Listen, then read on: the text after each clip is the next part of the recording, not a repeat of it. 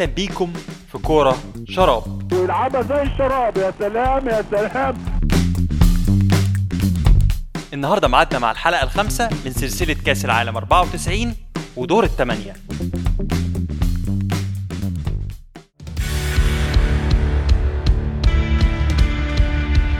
أول مباراة معانا هي نهائي مبكر لأساتذة الكرة الجميلة بين السامبا والطواحين الهولندية. نجوم منتخب هولندا خلال البطولة كانوا مارك أوفر مارس اللي حصل على جايزة أفضل لاعب صاعد في كأس العالم ولاعب تاني هنجيب سيرته دلوقتي. أسطورة سفينة الهولندي الطائر هي أسطورة عن سفينة ملعونة اتحكم عليها إنها تبحر إلى الأبد. وبسببها بيلقب أي هولندي فذ بالهولندي الطائر زي يوهان كرويف مثلا. لكن حكايتنا في البطولة دي عن الهولندي الذي لا يطير دينيس بيركامب وده بقى قصته معانا غريبة شوية. بيركامب معروف عنه إنه كان عنده فوبيا من الطيران ولما وقع عقد مع أرسنال في 95 اشترط إنه ما يركبش أي طيارات حتى لو هيخسر جزء من عقده أو يحرمه من أي ماتشات خارجية. ويقال إن من أسباب العقدة دي هو كأس العالم 94 الفريق الهولندي حصل له عطل في محرك الطيارة وهم في طريقهم إلى أمريكا. ده غير إن الفريق وهو رايح دالاس عشان يلاعب البرازيل صحفي هولندي كان بيهرج على الطيارة وقال إن معاه قنبلة والدنيا اتقلبت والفريق اتعطل خمس ساعات قبل ما يطير. نروح بقى للماتش. الشوط الأول انتهى على غير المتوقع بالتعادل السلبي لكن مع بداية الشوط الثاني كرة طويلة من ألداير لبيبيتو ما يطمعش فيها ويحطها بالعرض لروماريو اللي جاي منطلق ويقابلها بوش رجله جوه الجون. قطع الكورة على طول بيضاء طويلة. ومش offside وراح للجول وراح للجول وراح للجول هوبا! يا ولد! يا ولد! يا ولد! يا ولد! يا ولد يا روماريو!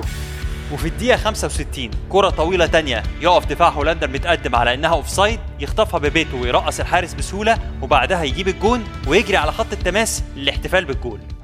ونقلة كبيرة. و offside من ال offside خلاص هنلعب هنلعب راح هو الجول. راح هو الجول. وهوبا مش ممكن. مش ممكن. أسهل جول. الدورة بيبيتو. أسهل جول. تجيبه بيبيتو. وقفوا كلهم على ال offside بيبيتو في أمريكا جاله ولد في البرازيل قبلها بيومين وراح بعفويه شديدة يحتفل بالجون وهو بيمرجح إيده كأنه شايل ابنه. وانضم له مازينيو وروماريو وهم بيقلدوه. في لقطة تحولت لترند وواحدة من أشهر احتفالات كأس العالم. بيبيتو بيقول ان سجل أهداف كتير. لكن الناس دايما بتفتكره بالجول ده عشان احتفاله. وبالمناسبة ماتيوس ابن بيبيتو لعيب حاليا في سبورتنج لشبونة. خلاص كده هولندا شكلها بره البطولة. بس بيركامب كان ليه رأي تاني ويسجل هدف ملعوب من زاوية صعبة بعدها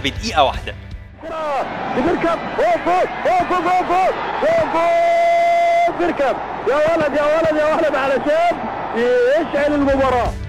وقبل نهاية اللقاء بربع ساعة يتعادل مدافع هولندا وينتر برأسية من ضربة ركنية ليه؟ هولندا تتلعب على طول وخطرة وجوه الجول جوه الجول رقم 20 أرون يحط الهدف الثاني وهدف التعادل في توقيت قاتل جدا. أرون فيتر أهو رقم 20 يحط ال- الهدف التعادل لهولندا لتشتعل المباراة تماما على عكس المتوقع. وبدأت هولندا هي اللي ترقص بعد لما البرازيل هي اللي رقصت. البرازيل ترد قبل نهاية الماتش ب 10 دقائق بفاول صاروخ من برانكو عشان يعبروا لل semi-final. وبرانكو غدا! وجول جول! مش ممكن!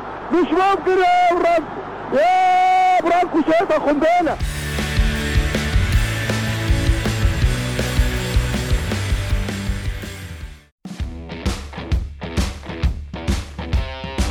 تاني مباراة معانا أصحاب الأداء القوي والمفاجآت. رومانيا والسويد. منتخب السويد دخل بتشكيله المعتاد في تواجد جميع أسلحته.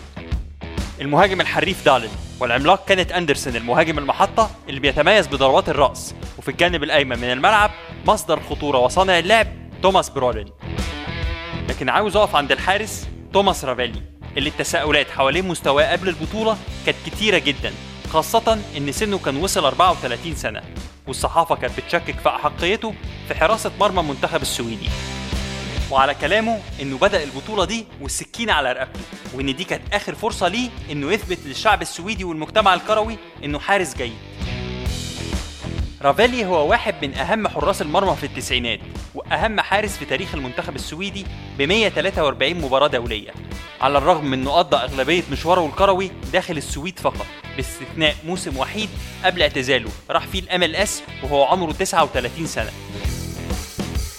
فالحارس النمساوي الأصل بدأ مشواره مع نادي أستر وهو نادي صغير في السويد ونجح في الفوز معاه بثلاث بطولات خلال 10 سنين. ومنه إلى IFK جوتبورغ وعمره 30 سنة. ومن هنا كانت انطلاقته الحقيقية. فبالرغم من إنه دوري من 81 إلا إن أول بطولة كبيرة ليه كانت بطولة كأس العالم 90 واللي خرجت منها السويد من الدور الأول. بعد تقديم مستوى باهت أقرب للكارثي. لكن السويد شاركت في يورو 92 بقوة ووصلوا الدور قبل النهائي وكان تألق رافالي خلالها لافت. مشكلة رافالي إنه ما كانش محبوب وشعبيته كانت ضعيفة لغاية كأس العالم 94 راجل عنيف وأسلوبه يميل إلى الاستفزاز سواء في التعامل مع الخصوم أو حتى زملائه في الملعب اللي بيزعق فيهم من باب التحفيز. وفي تجربة لبرنامج تلفزيوني ركبوا ميكروفون ورا مرمى رافيلي في إحدى المباريات. والجمهور صدم من كم الشتيمة اللي كان بيوجهها سواء للخصوم أو للعيبة فريقه. نرجع بقى للمنتخب الروماني. خصم رافيلي في المباراة. مدرب رومانيا بعد تألق ديمتريسكو أمام الأرجنتين قرر يعدل الخطة عشان تستوعب عودة راوديتشو من الإيقاف للخط الأمامي. ولعب ب 3 4 3 مع تواجد هاجي تحت راسين الحربة راوديتشو ودوميتريسكو. الفريقين غلب على أدائهم التحفظ لغاية الدقيقة 78 فاول خارج ال 18 تتلعب من ورا الحيطة لبرولين الغير مراقب. يحطها في البعيدة. جملة تكتيكية اتلعبت بذكاء وتحرك وتنفيذ بمهارة عالية من برولين عشان الموقف يتعقد جدا على منتخب رومانيا. ملعوبة داخل منطقة الجزاء الهدف الأول لمنتخب السويد برولين برولين يسجل الهدف الأول في الدقيقة 78 لكن روديتشو يخطف جول التعادل قبل نهاية المباراة بدقيقتين. بعد ما اصطاد كرة هاجي بعد ما غيرت اتجاهها في الحيطة والمباراة تروح للأشواط الإضافية. دوما على الكرة حاجي وديمتريسكو وبيلعبها حاجي.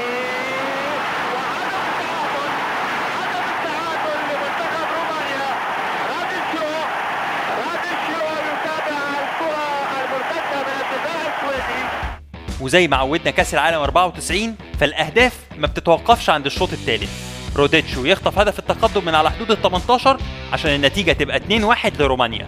حاجي.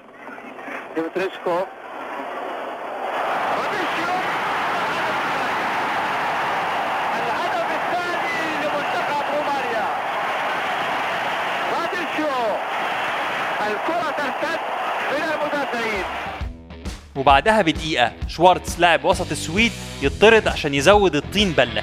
عمليا المباراة انتهت لكن كينيت أندرسون كان ليه رأي تاني.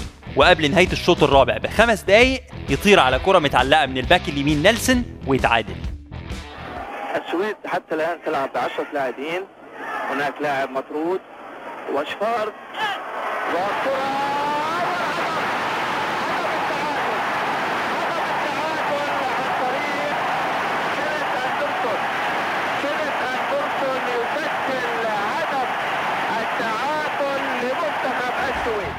وبعدها هنريك لارسن البديل يضيع أسهل فرص الماتش والجون فاضي عشان الماتش يروح لضربات الترجيح.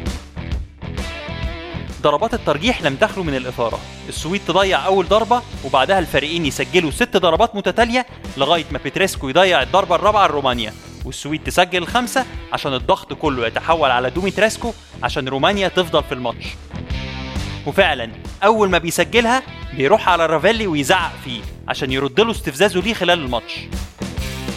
لكن رافيلي ما اتهزش لأنه حس بتوتر لعيبة رومانيا. عشان كده كان بيتعمد إنه يقف أطول فترة ممكنة على الخط قبل ما يترمي ونجح إنه يصد الضربة السادسة لرومانيا عشان تتأهل السويد لقبل النهائي للعب مع البرازيل في مواجهة مكررة من الدور الأول. يولدتشي وجها لوجه أمام رافائيلي. يولدتشي يولدتشي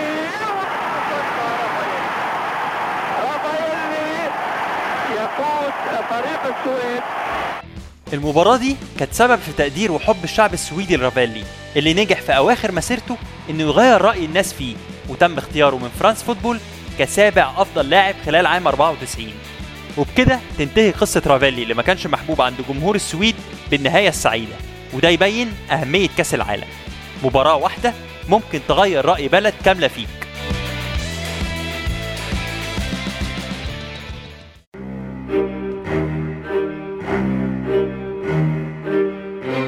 قبل ما نروح لمواجهة ألمانيا وبلغاريا خلينا نسلط الضوء على نجم منتخب بلغاريا ستويتشكوف وزي ما اتكلمنا الحلقة اللي فاتت عن هاجي محور منتخب رومانيا فوجه الشبه بين هاجي وستويتشكوف كبير. ستويتشكوف انتقل لأكبر نادي في بلغاريا سيسكا صوفيا سنة 85 ولكن مشواره كان هينتهي قبل ما يبدأ. ففي نهائي كاس بلغاريا لسنة 85 أمام الغريم التقليدي ليفاسكي صوفيا خناقة كبيرة تقوم ما بين الفريقين في آخر 10 دقايق من اللقاء. نتج عنها مجموعة من الكروت الحمراء وإيقاف مدى الحياة لست لعيبة من ضمنهم ستويتشكوف. لكن بعد كده العقوبة اتخففت لسنة واحدة. نفس ظروف هاجي جاي من أوروبا الشرقية من بلد شيوعي. ستويتشكوف فضل محبوس في بلده لغاية سنة 90 لما انفجرت موهبته وأحرز 38 هدف في 30 مباراة في الدوري وحصل على الحذاء الذهبي كأكبر هداف في أوروبا. وهنا عين كرويف مدرب برشلونة ما قدرتش تتجاهله وانتقل في نفس السنة لبرشلونة. لكن ستوشكوف ما قدرش يتخلى عن طباعه العنيفة وفي أول كلاسيكو ليه يدوس على رجل الحكم ويتوقف شهرين.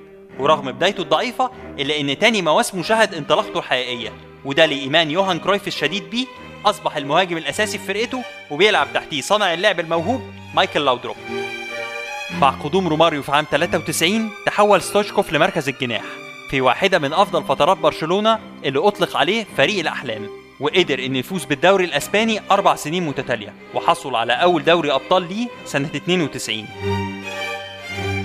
وبعد ما قضى خمس سنين ناجحين جدا في أسبانيا جه وقت محطة جديدة في مشوار ستويتشكوف وراح على بارما في الدوري الإيطالي.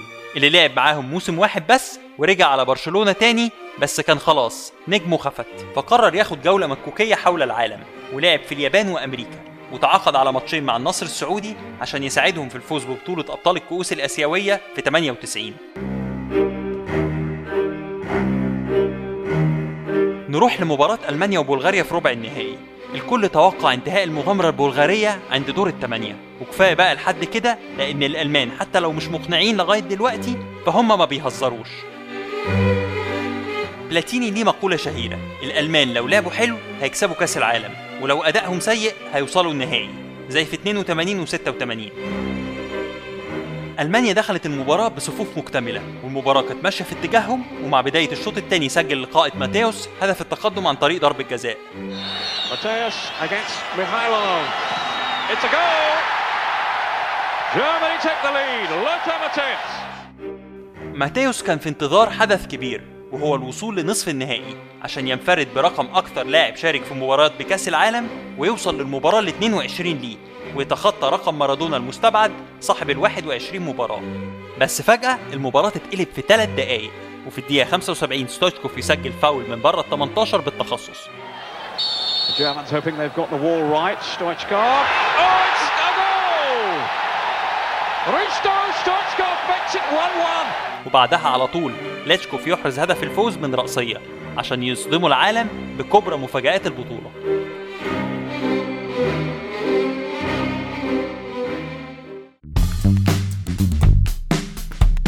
أما بالنسبة لبقية النتائج فإيطاليا نجحت في تخطي أسبانيا 2-1 عشان تتأهل للسيمي فاينل وتقابل بلغاريا. وعلى الناحية التانية يكتمل أضلاع المربع الذهبي بمباراة السويد والبرازيل. لحد هنا تبقى خلصت حلقتنا والحلقة الجاية هنختم بيها سلسلة كأس العالم 94 بقبل النهائي والنهائي. ما تنسوش تعملوا لنا like على فيسبوك صفحتنا كورة شراب اللوجو بتاعنا علامة الشراب بالخلفية الأصفر والأخضر. هتلاقوا هناك صور لكل الأحداث اللي اتكلمنا عليها في الحلقة دي والحلقات الجاية واللي فاتت. وكمان follow على تويتر وهنرد على كل تعليقاتكم على at كورة شراب واحد ستة. و subscribe على بوديو ويوتيوب عشان تشوفوا وتسمعوا أكتر. نشوفكم الحلقة الجاية وكورة شراب.